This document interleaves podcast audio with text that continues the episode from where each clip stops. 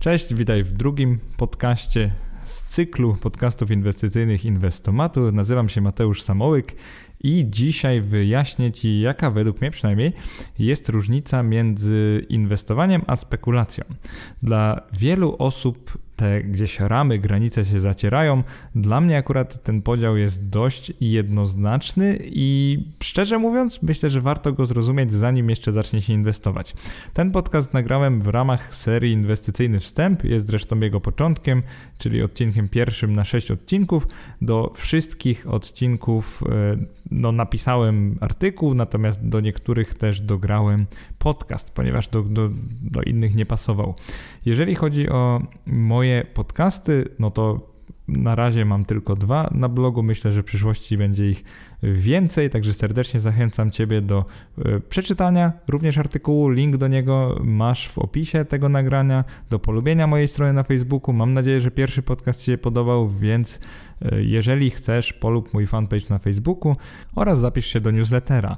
E, okienko znajdziesz tak naprawdę na blogu w każdym możliwym miejscu, na przykład w panelu narzędzi po prawej, tam są wszystkie wtyczki oraz pod każdym wpisem. Na samym końcu wpisu jest takie okienko, możesz zapisać tam tylko swoje imię i mail, no i obiecuję nie wysyłać Ci spamu, tylko dwa razy w miesiącu jakieś fajne, konkretne nowinki inwestycyjne oraz linki do najnowszych wpisów z takim krótkim opisem, o czym one w ogóle są.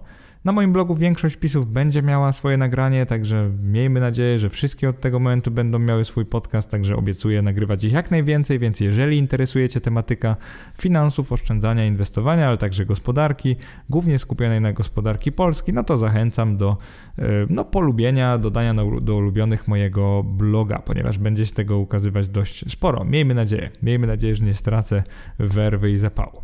Zaczynamy od e, spekulacji inwestowania, czyli postarajmy się ustalić e, styl giełdowy, który będziesz w kolejnych latach e, prezentować, albo jakby taką zasady gry, którą będziesz e, toczyć. I właśnie na samym początku mamy takie słowo gra. Często mówi się grać na giełdzie i teraz skąd to się wzięło? Gra kojarzy mi się z czymś dynamicznym, z czymś pełnym emocji, z czymś no raczej krótkoterminowym mimo wszystko. I właśnie taka według mnie jest spekulacja.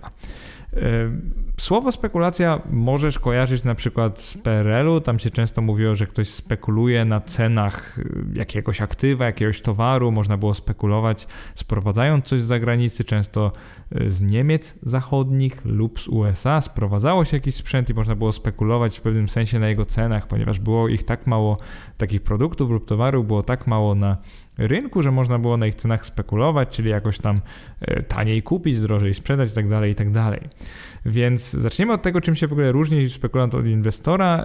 E, też powiedziałbym, że spekulant ma takie zabarwienie pejoratywne. Słowo spekulant często jest odbierane negatywnie, no i nie bez powodu. Często się mówi na przykład, że ktoś gra na giełdzie, tak jak wam mówiłem, czyli na przykład Kamil gra na giełdzie lub Ania straciła wszystkie pieniądze grając na giełdzie. I z pewnością nieraz słyszałeś lub słyszałaś te słowa. I teraz jeżeli zestawisz to z takimi bardziej poważnie brzmiącymi, na przykład Michał inwestuje na giełdzie, albo Dagmara wiele zarobiła inwestując na giełdzie, od razu poczujesz pewną różnicę. I właśnie spekulant z natury gra na giełdzie, podczas gdy inwestor na niej inwestuje lub inwestuje swoje pieniądze.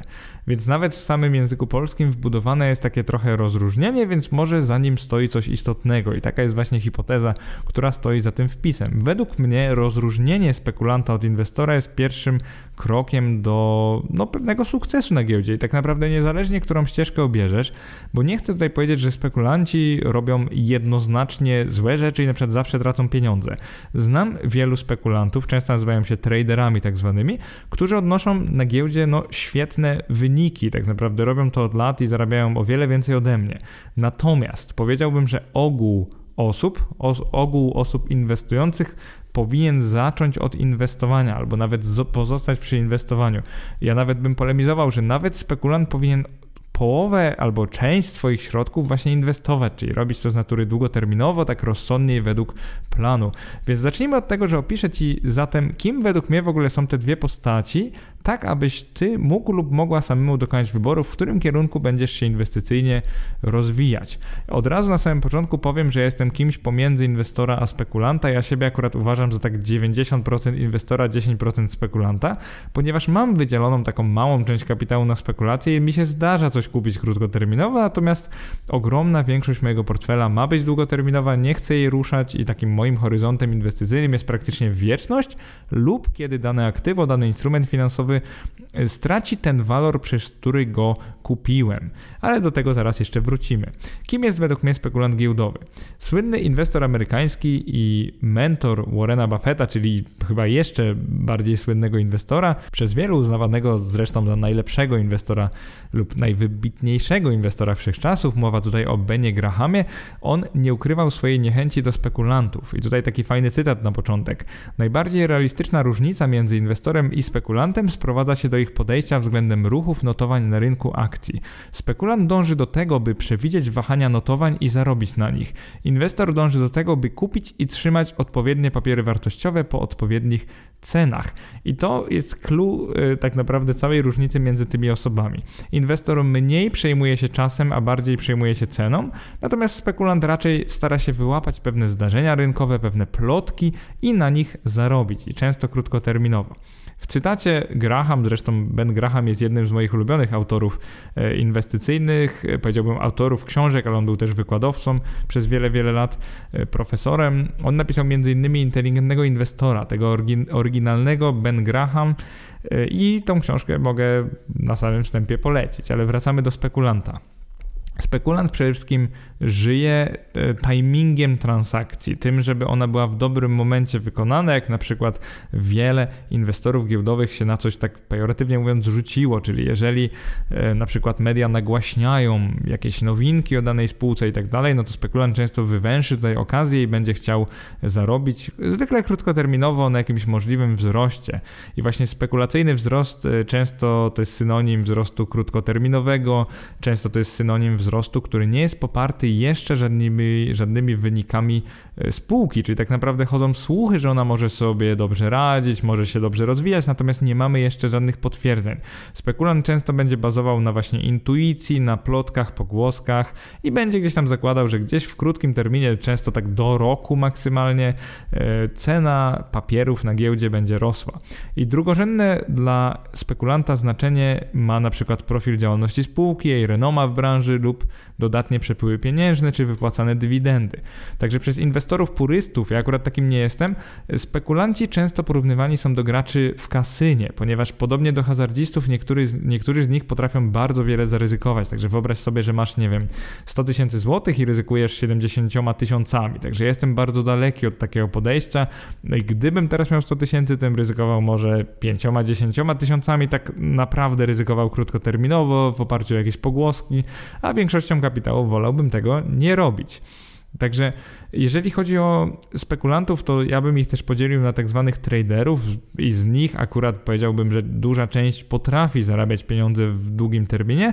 Natomiast jeżeli chodzi o spekulantów takich samozwańczych, bardziej nieprofesjonalnych, no to statystyka mówi sama za siebie. 80% rachunków według Forbesa z roku 2017 traci pieniądze w długim terminie. Oznacza to, że jeżeli ktoś zakłada rachunek, zwłaszcza na rynku Forex, czyli gdzieś tam z dużą dźwigną, tak zwanym lewarem i nie wie za bardzo co robi i po prostu chce zarabiać na jakichś krótkoterminowych, krótkotrwałych ruchach cen, no to najczęściej to się kończy tragicznie dla inwestora. Więc e, spekulacja i spekulant ma też negatywne zabarwienie w pewnych statystykach, że po prostu no, statystyki udowadniają, że jeżeli inwestor stara się jakoś bardzo pokonać, pokonać rynek i jeszcze w krótkim terminie, to jeżeli nie jest profesjonalistą i nie ma e, własnego stylu, nie robi tego od lat i nie jest jakimś tam wirtuozem, no to często kończy się to naprawdę tragicznie dla jego kapitału. Jeżeli chodzi o działanie spekulanta, to porównałbym go do takiego artysty na rynkach finansowych, czyli to jest taki wirtuoz, który podczas gry na swoim instrumencie, w tym przypadku są to instrumenty finansowe, a nie muzyczne, e, w którym się specjalizuje, przejawia on właśnie jakiś własny e, styl, czyli na przykład gra tylko na długo lub na krótko lub na jakimś danym instrumencie, przed jednym indeksie itd., tak itd. Tak e, I podobnie jak w sztuce, tylko nieliczni potrafią opanować umiejętność spekulacji w stopniu mistrzowskim, czyli często ci mistrzowie zarabiają naprawdę krocie na spekulacjach spekulacji nawet mają, są jakby sławni w skali światowej, zakładają firmy takie traderskie, takie domy traderskie, bym powiedział, gdzie wiele osób siedzi i właśnie próbuje zarobić na takich zwykle krótkoterminowych ruchach cen aktywów na giełdach. Prawda natomiast jest taka, jak powiedziałem, że większość rachunków brokerskich traci pieniądze. I tutaj chciałbym Was ostrzec przed różnymi takimi właśnie artystami rynków, e, typu graczami na rynku Forex, a już w ogóle przed tymi, którzy oferują tak zwane szkolenia. Ze szkoleniami jest taki problem, powiedziałbym, że z kursami i szkoleniami sam, tak, takimi samymi w sobie nie mam problemu, tylko one powinny być edukacyjne. Czyli jeżeli uczyć się na przykład analizy fundamentalnej lub inwestowania w ETF od kogoś, no to zwykle nie ma jakiegoś wielkiego ryzyka. Tak naprawdę można sobie pozwolić na zakup takiego kursu. Natomiast jeżeli ktoś twierdzi, że posiada metodę, która od lat pozwala mu osiągnąć, nie wiem, 30-40% rocznie z inwestycji, no to natychmiast y, przestań takiej osoby słuchać i nie zapisuj się na żaden kurs, bo to jest zwyczajnie mówiąc oszust. To jest osoba, która obiecuje gruszki na wierzbie, podczas gdy najlepsi inwestorzy na świecie osiągają jakieś 15-20% rocznie w długim terminie i to jest naprawdę super wynik. Ja chcę mieć wynik długoterminowo 10% rocznie brutto i to jest dla mnie super dużo i wystarczająco, no to pomyśl sobie, jaką no, głupotą, lekkomyślnością jest ufanie człowiekowi, który oferuje tobie 40% rocznie, bo ma jakąś magiczną metodę i tam na YouTubie ma jakieś kilka filmików. Także chciałbym cię ostrzec, ponieważ szanse w spekulacji są przeciwko tobie. Jeżeli chcesz umiejętnie spekulować, to oczywiście możesz to robić, najlepiej małym kapitałem i najlepiej skupiając na tym cały możliwy czas i środki, czyli jeżeli yy, na przykład pracujesz na etacie, tak jak ja obecnie, no to może nie będziesz miał miała czasu na spekulacje. Może w ogóle nie powinnaś, nie powinieneś iść tą ścieżką. E, jak się spekuluje, na przykład na GPW często ludzie szukają okazji. Pierwszym miejscem można, może być na przykład e, wykaz najmocniej rosnących spółek danego dnia. E, spekulanci często posługują się analizą techniczną, czyli próbują przewidzieć trendy ruchów cen danych aktywów, czyli tak naprawdę mało ich obchodzi, co ta spółka robi, żeby zarobić pieniądze, natomiast o wiele bardziej ich obchodzi, czy ta spółka jest w tak zwanym trendzie wzrostowym, bo tutaj chcemy dużo i szybko zarobić więc tak naprawdę nie ma się czemu dziwić. Jeżeli chodzi o metody, to jest to analiza techniczna, którą też opiszę w jednym z kolejnych wpisów z inwestycyjnego wstępu, także odsyłam Ciebie do jednego z kolejnych wpisów i podcastów o metodach analizy instrumentów finansowych, akcji głównie. właśnie analiza techniczna polega na próbie przewidzenia przyszłych kursów cen, czyli tych wykresów cenowych, czyli próbujemy przewidzieć, jak będzie zmieniała się cena aktywa i bazując głównie na wykresie przeszłych cen akcji i pewnych tendencjach, na przykład wolumenach, czyli tego, ile danego dnia było handlowanych akcji lub obligacji. Także staramy się przewidzieć na podstawie przeszłości, przewidzieć przyszłość, jakieś tam emocje bardziej giełdowe, jakieś, e, powiedziałbym, trendy, niż to, czy spółka na przykład zacznie e, więcej lub mniej zarabiać. Oczywiście spekulant również może e, używać analizy fundamentalnej, czyli może się dowiadywać, co robi spółka, czy na przykład e, jej branża jest przyszłościowa i tak dalej. Na tym też oczywiście może grać, natomiast z tego co zauważyłem, przynajmniej w Polsce większość traderów używa właśnie narzędzia przed AMI Broker, e, narzędzi do kreślenia po wykresach i próby takiego przewidzenia, czy uda się no, zarobić w krótkim terminie, czy, czy ludzie wybiorą tę spółkę, czy może jej nie wybiorą, czy popadnie ona w niełaskę. Także tutaj jesteśmy takimi artystami również, próbując kreślić po wykresach, czyli wykonując analizę techniczną. Jeżeli o mnie chodzi, to ja bez bicia przyznam, że nie znam się na analizie technicznej, nie wykonuję jej praktycznie wcale, także nie należę do e, blogerów, którzy będą często prezentować wyniki analizy technicznej. Niekoniecznie w nią jakoś wierzę, tak naprawdę z tego co zauważyłem jest bardzo mało osób, którzy potrafią umiejętnie i długoterminowo wykorzystywać to i dla mnie analiza techniczna może być tylko dodatkiem do fundamentalnej, jeżeli chciałbym zobaczyć historyczne ceny przy różnych tam wskaźnikach finansowych, natomiast y, nie używałbym nigdy samej analizy technicznej, po prostu nie uważam, że ona jest, y, no, działa sama na tyle dobrze, żeby było dobrym pomysłem uczenie się tylko jej. Jeżeli chodzi o źródła danych spekulanta, to spekulant często korzysta na przykład z różnych forów internetowych, z grup facebookowych. Y, to jest mogą być ciekawe grupy, takie jak na przykład Trading Jam Session, gdzie wypowiadać, co prawda ten szum informacyjny jest tam ogromny, ponieważ wiele osób się tam wypowiada, ale z drugiej strony można też tam często o jakichś ciekawych zagraniach poczytać, można zainspirować się innymi traderami i się czegoś nauczyć, więc jakby do takich opisów strategii to jest na pewno lepsza grupa niż mój blog lub mój podcast, natomiast powiedziałbym, że jest tam bardzo duży szum informacyjny, także uważajcie na jakieś fałszywe rekomendacje ludzi, którzy w ogóle nie wiedzą, co robią. Pamiętajcie, że nikt z internetu nie weźmie odpowiedzialności za wasze środki, także bądźcie przede wszystkim rozsądni. Nawet jeżeli kusi was ta perspektywa 40, 50, 100% rocznie, to pamiętajcie, że mało komu to się udaje.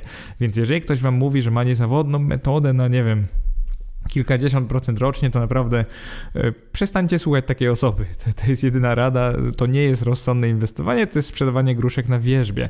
Inna sprawa to jest taka, że nie potrafię sobie wyobrazić osoby, która ma 40% zysku rocznie każdego roku i potrzebuje sprzedawać szkolenia. E, no i tutaj właśnie w tym TOTS-ie, Trading Jam Session akurat bardzo popieram tą inicjatywę, że no krytykuje się traderów, którzy uważają, że mają nie wiadomo jakie wyniki finansowe, którzy muszą lub chcą sprzedawać swój kurs jakiś taki forexowy, no bo zwykle jak się zarabia tak dużo, no to po co sprzedawać swój kurs? Y, inna sprawa edukować, inna sprawa jakiś taki kurs typowo edukacyjny, akurat takie coś być może w przyszłości sam wejdę i uważam, że to jest zupełnie coś innego edukować ludzi, a zupełnie coś innego sprzedawać im jakieś niesamowite strategie i tak dalej. Więc jakby nie twierdzę, że zarabianie na blogu lub na jakiejś popularności to jest coś jednoznacznie złego, natomiast ja uważam, że nie powinno się ludzi okłamywać. Jeżeli sprzedajesz merytorykę i taką twardą wiedzę, to jest jak najbardziej ok, natomiast sprzedasz jakiś tam gruszek na wierzbie, jeszcze z gwarancją, że coś będzie działać, to jest po prostu krzywdzenie ludzi, jeszcze branie za to pieniędzy, więc absolutnie coś, czego w życiu bym nie robił. Jeżeli chodzi o książki dla spekulantów, e, taka jedna z moich ulubionych to jest Zenona Komara, dzieło Sztuka spekulacji po latach. E, też na blogu znajdziesz do niej link w księgarni maklerska.pl, więc jeżeli chciałbyś, chciałabyś ją zakupić, no to możesz z mojego linku, za to zawsze dostanę parę złotych, więc pomożesz mojego, e, mój blog, wspomożesz moją działalność, więc za co bardzo dziękuję. E, czy warto spekulować? No przede wszystkim, czy ja powinienem jednoznacznie to oceniać, skoro nie jestem spekulantem? Pewnie nie. Ale jeżeli chodzi o plusy i minusy spekulacji, to plusem jest to, że spekulant jest w centrum wydarzeń, w centrum akcji. Więc często spekulant jest w stanie szybko zareagować i naprawdę złapać jakąś okazję. E, to jest istotne, bo inwestor się zwykle aż tak nie interesuje tym, co się dzieje dokładnie w danym momencie, więc bardzo rzadko inwestor wyłapie taką okazję. Kolejny plus to jest to, że jeżeli spekulant w pełni poświęci swój czas rynkom finansowym, finansowym i niczym dobry pokerzysta nauczy się grać z umiarem i tak, no wiecie, logicznie będzie kalkulował ryzyko, to być może znajdzie się w tych zarabiających pieniądze 20% ogółu. Także istotne jest to, że da się na tym zarabiać, po prostu szansa jest bardzo niska. E, trzecim plusem, który widzę i uważam, że jest bardzo mocny, to jest to, że spekulanci zawierając mnóstwo transakcji, nawet kilkadziesiąt dziennie, dostarczają płynności na rynkach akcji dla innych uczestników. Także powiedziałbym, że Niektórzy uważają spekulantów za szkodników. E, na YouTube jest dużo takich e, filmików e, krytykujących spekulantów, ale ja ich uważam za osoby bardzo pożyteczne, ponieważ gdyby nie spekulanci, ciężej byłoby kupić dane aktywo. Nie byłoby tej płynności na rynkach, więc oni właśnie tą spekulacją dostarczają tej płynności. Czyli jeżeli inwestor chce coś zakupić, no to bardzo łatwo zrobi to od spekulanta, który na przykład sprzedaje w danym momencie. Jakie są minusy spekulacji? Zacznijmy od tego, że spekulanci zawierają no, tysiące transakcji, więc więc bardzo często oddają bardzo duże pieniądze swojemu brokerowi lub maklerowi. Czyli spekulując należy uważać, żeby nie tracić na prowizjach więcej niż się zarabia na tych drobnych zyskach gdzieś tam z inwestycji. Także wykonując tysiące ruchów dziennie, naprawdę uważaj na e, prowizję maklerską, tak? To, jest, to może być bardzo wysoki, wysoki koszt. E, dla M-Banku na przykład w tej chwili to jest 3 zł na transakcja rynku, polskim oraz 19 zł na, do transakcji na rynkach zagranicznych. To są te minimalne, więc pamiętaj, że jeżeli małymi kwotami to robisz, to transakcje zaraz zupełnie zabiją ten twój e, trading. Także Ben Graham, znowu do niego wrócę, bo jest to jeden z moich największych idoli. On komentuje e, efekt wysokości prowizji na spekulancki styl inwestowania dość jednoznacznie. Mianowicie pisze on, że ludzie, którzy inwestują, zarabiają na siebie, a ludzie, którzy spekulują, zarabiają na swoich maklerów. I tym tak naprawdę mógłbym zostawić te, ten new niuans, ten minus, jeżeli chodzi o spekulacje. Drugim minusem według mnie jest to, że skuteczna spekulacja wymaga ogromnego doświadczenia i pełnej uwagi, pełnego skupienia. To jest tak naprawdę praca na pełen etat, więc uważam, że osoby, które spekulują, powinny robić to na pełen etat i przez wiele, wiele lat. I tylko wtedy są w stanie no, osiągać zyski w sposób powtarzalny i długoterminowy. Kolejnym minusem, przynajmniej według mnie, jest to, że spekulacja jest stresująca, przynajmniej dla mnie by była. Wielu znanych spekulantów na końcu się wypala zawodowo, po prostu ma dość tego stresu i nawet jeżeli, no wiecie, mają pełne skupienie i są profesjonalistami i nie mają już takich emocji jak amatorzy, no to można się wypalić zawodowo, bo jest to zawód o wiele bardziej emocjonujący niż większość innych zawodów. I oczywiście ostatnim minusem jest ryzyko braku specjalizacji, czyli wielu spekulantów chwyta co popadnie, słucha innych i w efekcie w niczym nie stają się ekspertami, więc jeżeli już chcesz spekulować, no to może sugerowałbym, żebyś skupił lub skupiła się na jednej klasie aktywów, albo na jednym indeksie, albo na przykład tylko na walutach i jednej parze walutowej. Także spróbuj stać się ekspertem w ruchach może jednego aktywa na początek, a nie, nie wiem, wszystkich spółek na GPW, bo może ci to nie pójść najlepiej. Teraz przechodzimy do rozdziału drugiego, czyli kim jest inwestor giełdowy. Inwestor giełdowy, patrząc na wykres kursu cen akcji, widzi głównie obecną cenę i tak naprawdę zastanawia się, czy jest ona okazyjna. I inwestor mógł być porównany do takiego łowcy promocji w supermarkecie, który czeka na taki Black Friday, można powiedzieć, czyli on chce ruszyć na giełdę i kupić przecenione akcje i obligacje. Oczywiście istnieje wiele rodzajów i szkół inwestowania. Teraz mówiłem o inwestorze takim bardziej aktywnym, nie spekulancie, ale inwestorze, który własnoręcznie wybiera akcje Nie bardzo go obchodzi, czy cała giełda jest droga czytania, on po prostu chce kupić e, tanie e, akcje tanich spółek. To jest najważniejsze tutaj. E, jaka jest wspólna cecha inwestora aktywnego z pasywnym? Przede wszystkim długi horyzont czasowy inwestycji. I tutaj Warren Buffett bardzo fajnie pisze w jednym ze swoich listów do akcjonariuszy. Niestety nie pamiętam z którego roku, ale znalazłem ten fragment w internecie, jest on naprawdę super. Cytuję. Mając w portfelu akcje świetnych biznesów ze świetnymi zarządami, nasz ulubiony horyzont inwestycyjny to wieczność. Właśnie inwestor taki długoterminowy myślę, że powinien mieć inwest horyzont inwestycyjny o długości wieczności, czyli całego życia inwestora zazwyczaj. Oprócz horyzontu inwestycyjnego inwestora cechuje skupienie się na spółkach, które stoją za akcjami i obligacjami, czyli nie patrzy on na in, te instrumenty finansowe jako taki, wiecie, czarną skrzynkę black box, która po prostu rośnie lub spada na giełdzie, tylko inwestor chce zrozumieć, y, jaka to jest cena, po jakiej cenie można kupić kawałek firmy, ile ta firma powinna być warta, ile zysku na tą akcję ma firma, ile zadłużenia na akcję i tak dalej, i tak. Jaka jest dynamika przychodów, czy spółka wypłaca dywidendy, y, czy jest po prostu płynna zarówno na giełdzie, jak i czy ma tą płynność wobec swoich... Mm, zobowiązań. Jakby istotne jest to, że inwestor chce zrozumieć, co jest pod spodem. Inwestor często dokonuje analizy, analizując całą firmę, czyli jako no, prawdziwą spółkę, a nie jedynie wykres cenowy i historyczne zmiany cen akcji spółki. Także inwestor raczej zajrzy do sekcji roczne minima, jeżeli chodzi o GPW i poszuka tanich, ale dobrych, solidnych spółek, które na ogół z tego czy innego powodu chwilowo no, są po prostu w niełasce na giełdzie. Także dobry inwestor skupiony jest na fundamentach spółek, czyli na wynikach finansowych spółek, prospekcie rozwoju takiej spółki, no i realnie wypłacanych dywidendach, czyli na tym, co można mieć z trzymania długoterminowo spółki, czyli jej papierów, na swoim rachunku. I wahania cen spółki często są dla inwestora drugorzędne i często nie reagują na nie w ogóle. Jeżeli chodzi o style inwestowania, to taki, o którym bardzo dużo będę jeszcze pisał i nagrywał na pewno, to jest inwestowanie pasywne. Inwestowanie pasywne to często jest na przykład przez ETF-y, o których już mówiłem w pierwszym podcaście. E, polega ono na tym, że wybiera się często cały indeks, czyli nie, nie przebiera się w spółkach, tylko idealnie dywersyfikuje i o tym też często mówił Warren Buffett, że jakieś 90% inwestorów powinno po prostu kupić indeks i nie przejmować się w ogóle tym kiedy i czy akcje są drogie czy tanie, powinni po prostu kupować dany indeks przez całe życie, no i w drugim terminie jak gospodarka będzie rosła, to oczywiście indeks też będzie rósł, czyli cena indeksu. A więc kupując ETF na przykład na S&P 500 przez wiele, wiele lat, no szansa na to, że się straci pieniądze, mam na myśli w długim terminie, jest bardzo nikła. I właśnie sam uważam, że większość inwestorów, czyli pewnie większość z Was, skoro przychodzicie tu i chcecie się uczyć inwestowania, podejrzewam, że większość z Was powinna po prostu skupić się na indeksach i nie przebierać w spółkach. Ja to robię od, no nie, nie chcę powiedzieć wielu lat, bo tak naprawdę zaraz stuknie mi 10 lat, e, więc nie robię tego od no nie wiadomo ilu dekad, nie jestem nie wiadomo jakim ekspertem, natomiast no robię to na tyle w taki sposób zorganizowany, składny i wiem czemu kupuję i sprzedaję spółki, że uważam, że ja mogę na tym trochę lepiej wyjść niż na kupowaniu indeksu. Natomiast Natomiast uważam, że jakieś 90-95% osób jest zbyt emocjonalna, żeby własnoręcznie dobierać spółki do portfela. O tym akurat też y, napiszę jeszcze wpis serii inwestycyjny wstęp o inwestowaniu pasywnym i aktywnym, do którego przeczytania i przesłuchania Ciebie serdecznie zachęcam, bo jest to też bardzo ważny temat i myślę, że warto by było przeczytać przynajmniej o tym, czym się różni inwestowanie pasywne od inwestowania aktywnego. Natomiast zauważcie, że wspólnym mianownikiem dla inwestorów jest długi termin inwestycyjny i próba zrozumienia, co jest pod spodem jakiegoś tam aktywa.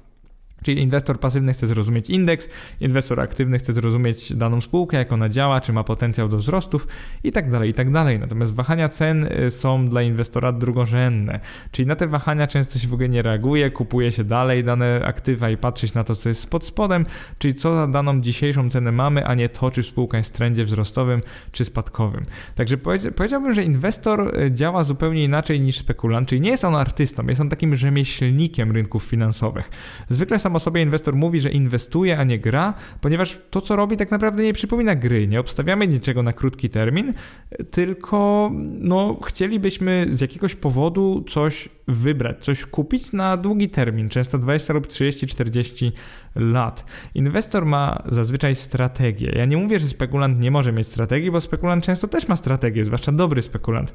Natomiast inwestor ma strategię długoterminową, czyli w długim terminie chce mieć na przykład 80% akcji, 20% obligacji. Jeżeli te pierwsze znacząco wzrosną, no to odcinamy ten kupon, kupujemy więcej obligacji. Jeżeli te pierwsze stanieją, no to z obligacji mamy kapitał, żeby dokupić tanich akcji, więc tak naprawdę inwestor często będzie myślał i działał w ten sposób i koncentruje się często na tym, czego nie widzi ulica, czyli ten ogół inwestorów, próbując znaleźć wartość tam, gdzie inni jej jeszcze nie widzą, czyli gdzie jest cicho. Tak robi zwłaszcza inwestor aktywny. On próbuje znaleźć jakąś spółeczkę, o której jeszcze nikt nie pisze, nikt nie mówi, a już być może ona prezentuje sobą bardzo dobry potencjał. I teraz, jeżeli chodzi o inwestora giełdowego, no to będę na pewno pisał o nim, nagrywał o nim wiele podcastów i pisał wiele wpisów na blogu, ponieważ jest on, no właśnie on się specjalizuje jest rzemieślnikiem, robi to w sposób, ja to nazywam często w sposób nudny i teraz niezależnie czy giełda jest jedynym zajęciem inwestora, czy tylko dodatkiem po pracy, to często przeglądam wyniki finansowe, czyta on o spółkach, e, poszukując e, prawdziwych perełek. Jeżeli inwestor ma mało czasu, to oczywiście wybiera ETF-y, kupuje szeroko zdywersyfikowany cały indeks, który ma różne waluty w składzie i nie przejmuje się tym, czy dana spółka radzi sobie dobrze czy źle, bo ma ich na przykład 2000 w portfelu. Więc jakby powiedziałbym, że to jest dobre podejście do inwestowania i właśnie na tym powinniście się pewnie koncentrować na samym początku, czyli właśnie na inwestowaniu pasywnym ETF-ach. Jeżeli Was inwestowanie wciągnie, zainteresuje tak jak mnie, ponieważ nie wiem czy słyszysz, ale inwestowanie jest moją prawdziwą pasją, no to oczywiście możecie przemyśleć inwestowanie bardziej aktywne, samodzielny dobór spółek, czy tam papierów dłużnych, na przykład obligacji. Jeżeli chodzi o inwestora, to używa, ich, używa on narzędzi zupełnie innych niż spekulant. Metodą często jest analiza fundamentalna, znana także, zwana także finansową, czy znana jako analiza finansowa, którą również opiszę w jednym jednym z kolejnych wpisów z inwestycyjnego wstępu. E, polega ona głównie na analizie zdolności spółki do generowania gotówki na podstawie historycznych raportów finansowych oraz obecnego otoczenia rynkowego, czyli potencjału spółki. Często oceniamy przykład jakość zarządu, branży, w której działa spółka. Jeżeli nie ma dużej konkurencji w danej geografii, w danym państwie, to oczywiście ta spółka ma dużo większy potencjał do wzrostu niż przykład konkurencja. Jeżeli chodzi o narzędzia, to do darmowych narzędzi typu skaner akcji Business Radar mamy tak e, też płatne narzędzia, np. Bloomberg Terminal e, czy klasyczne arkusze Microsoft Excel. Możemy po prostu sobie ściągnąć wyniki finansowe spółki, policzyć na piechotę samemu wskaźniki i zobaczyć, czy dla nas spółka jest lepsza od konkurencji na przykład. I czy jej obecna wycena giełdowa ma sens, czy nie jest po prostu za droga na giełdzie. I podkreślam ponownie, inwestor szuka czegoś, co jest tanie, natomiast spekulant szuka czegoś, co rośnie, co będzie droższe. To jest taka różnica, czyli inwestor w pewnym sensie jest spekulantem, tylko długoterminowym, bo też by chciał, żeby wartość spółki na giełdzie rosła, natomiast chce kupić coś tanio, czyli minimalizować ryzyko tym, że już w momencie wejścia w inwestycje coś będzie tanie. I teraz, jakie są źródła danych inwestora? Na przykład portal stoku.pl, będący najpopularniejszym źródłem darmowych danych giełdowych w Polsce. Później mamy portal biznesradar.pl, bardzo fajny portal, ja często korzystam. Tam możemy zobaczyć sobie e, dane finansowe z wielu, z wielu kwartałów wstecz, również wartości dywidend, także ja bardzo polecam to źródło i pozdrawiam autorów tutaj e, tego portalu, ponieważ e, podstawowa funkcjonalność portalu jest zupełnie darmowa w chwili, kiedy nagrywam ten podcast, także naprawdę świetna rzecz. Mamy też portal parkiet.com, tam mamy zawsze zawsze świeże wiadomości z parkietu, zwłaszcza polskiego. Mamy stronę GPW, tam są komunikaty z ze spółek z głównego parkietu. Mamy stronę New Connect, czyli komunikaty ze spółek z małego parkietu, tak zwanego New Connecta. Jeżeli chodzi o Książki to na sam początek absolutnie fenomenalne są książka Bena Grahama, Inteligentny Inwestor oraz książka Phila Fishera, Zwykłe akcje, niezwykłe zyski. Linki do ich zakupu też mam na blogu, również w tym wpisie, także tam są moje linki afiliacyjne. Jeżeli już Ci się podoba, to serdecznie zachęcam do zakupu z tych linków na, w księgarni maklerska.pl, a na pewno w ten sposób pomożesz w rozwoju mojego bloga i podcastu. Czy warto inwestować, czyli plusy i minusy? No to plusem inwestowania jest przede wszystkim to, że inwestor nastawia się na długofalowe wpływy z odsetek i dywidend. Podobnie jak inwestor z wpisu Jak zostać bogatym, procent składany w praktyce, to już jeden z historycznych wpisów na moim blogu, przez to zwykle śpi dużo spokojniej od spekulanta. Nie, nie stresuje się tak, nie denerwuje się tak tym swoim inwestowaniem. Nie, nie, nie ma tu znamion gry takiej krótkoterminowej i zwykle ma to dużo mniej stresu. Plusem kolejnym jest to, że elastyczność elastyczność działania ma bardzo dużą, czyli w zależności od stylu inwestowania, czy będzie on bardziej aktywny, czy pasywny, może to być zajęcie na pełen etat, a nawet na kilka godzin w miesiącu lub kilka godzin w roku. Także niesamowicie fajną zaletą inwestowania jest to, że możesz to robić po swojemu. Jeżeli masz mało czasu, na przykład jest to twoim nowym hobby, słuchasz podcastów o inwestowaniu, ale nie chciał lub nie chciałabyś na to przeznaczać całych swoich dni na przykład, no to bez problemu inwestując możesz to robić w ten sposób. Natomiast spekulacja bez czasu jest praktycznie niemożliwa, przynajmniej według mnie, a przynajmniej dobra spekulacja. Kolejnym plusem jest to, że inwestor zwykle posiada zestaw zasad, których się trzyma. Także jeżeli masz zestaw zasad, czyli taką strategię, to znacznie ci to ułatwi podejmowanie decyzji i uchroni przed wszelkimi głupotkami i lekkomyślnością. I emocjami oczywiście. Także największą wadą spekulanta jest to, że często posługuje się emocjami, no to inwestor stara się e, mieć zestaw zasad, przestrzegać ich i nie być emocjonalnym, nie być osobą emocjonalną, co oczywiście znacznie e, no, zwiększa wynik w długim terminie, tak? Jeżeli im bardziej działamy jak takie roboty czy komputery i mamy mądry zestaw zasad, no tym lepsze wyniki inwestycyjne będziemy mieli w długim terminie. No ja się też tego nauczyłem, jak to mówią, learn the hard way, także nauczyłem się tego e, tą no, trudną, bolesną ścieżką, bo na początku straciłem sporo pieniędzy, właśnie tak bardziej spekulując na giełdzie niż inwestując, ale już teraz po latach inwestowania powiedzmy, że jestem no o wiele mądrzejszy, tak, zwłaszcza o te doświadczenia. Jeżeli chodzi o kolejny plus, to to, że inwestor y, rzadko zawiera transakcje, czyli płaci minimum prowizji maklerom. Często kupuje co miesiąc lub co parę miesięcy jakieś akcje lub ETF-y, no i trzyma je przez lata, także minimalizuje koszty transakcyjne. On nie będzie ciągle kupował i sprzedawał, bo nie ma przesłanek, żeby to robić. Inwestor będzie spokojnie sobie kupował, trzymał przez wiele, wiele lat, po prostu dokupywał w tym czasie i przez to nie zapłaci takich wielkich prowizji maklerom, co jest oczywiście plusem, bo więcej środków zostanie w jego lub jej kieszeni, a mniej pójdzie do maklerów. Także tutaj ten cytat Bena Grahama, który śmiał się z tego, że spekulanci płacą głównie maklerom, no to ma jak najbardziej swoje potwierdzenie. Jeżeli chodzi o minusy inwestowania, według mnie są dwa. Yy, pierwszy minus jest taki, że z uwagi na odcięcie od alternatywnych źródeł informacji, takich jak fora czy grupy internetowe, inwestor czasami przegapi taką naprawdę dobrą okazję inwestycyjną. Tylko zauważcie, że inwestor nie szuka okazji inwestycyjnych, więc co z tego tak naprawdę? Drugą wadą, czy ona jest ogromna, czy nie, to jest sam oceń, sama oceń, jest to, że mimo, że zapewne więcej niż 20% inwestorów zarabia pieniądze w długim terminie, to ich wy wyniki bywają dużo niższe od odnoszących sukcesy spekulantów. Czyli o ile na tym rynku Forex zarabia pieniądze pewnie 10-15% spekulantów, bo takich nazwiemy, bo grają na lewarze i na krótki termin, to oczekiwana roczna stopa zwrotu dla inwestora jest zazwyczaj w granicach 5, 8, 15%. 15 to jest taki maksymalny, z którym się w ogóle spotkałem. Jest to oczywiście świetny wynik w porównaniu do jakichkolwiek lokat bankowych lub rachunków oszczędnościowych, ale to może nie satysfakcjonować każdego, takiej osoby bardziej żądnej przygód, czyli właśnie takiego spekulanta. Więc jeżeli e, w tej chwili myślisz, że to tam kilka procent rocznie ciebie satysfakcjonuje, tak właśnie 8, 10, ja właśnie mam takie 10% rocznie brutto, to jest mój cel, no to myślę, że jesteś na najlepszej drodze, żeby zostać inwestorem, no niekoniecznie spekulantem. Spekulanci, no część z nich zarabia bardzo dużo, no ale tak jak mówiłem, większość z nich traci w długim terminie, więc nie ma to e, za bardzo sensu. I teraz, czy można być jednocześnie inwestorem i spekulantem? Jak najbardziej. Wśród około takich 10-15 osób, z którymi się powiedzmy trzymam i gadamy sobie o inwestowaniu, mówię tutaj o moich przyjaciołach, którzy inwestują, e, praktycznie wszyscy są mieszanką obydwu tych typów. Nie znam raczej takiego czystego spekulanta ani czystego inwestora. Jestem mieszaniem nie ma nic złego, natomiast e, do czego bym Ciebie zachęcił? Do tego, że jeżeli już spekulujesz, to może ustal sobie jakiś określony pułap gotówki, którą spekulujesz lub najlepiej procentowo w swoim portfelu, iloma procentami e, kapitału chcesz spekulować, no i oczywiście co zrobisz, jeżeli spalisz te na przykład, nie wiem, 10% kapitału e, na przykład miej zasadę, że każesz się wtedy i nie możesz już więcej spekulować.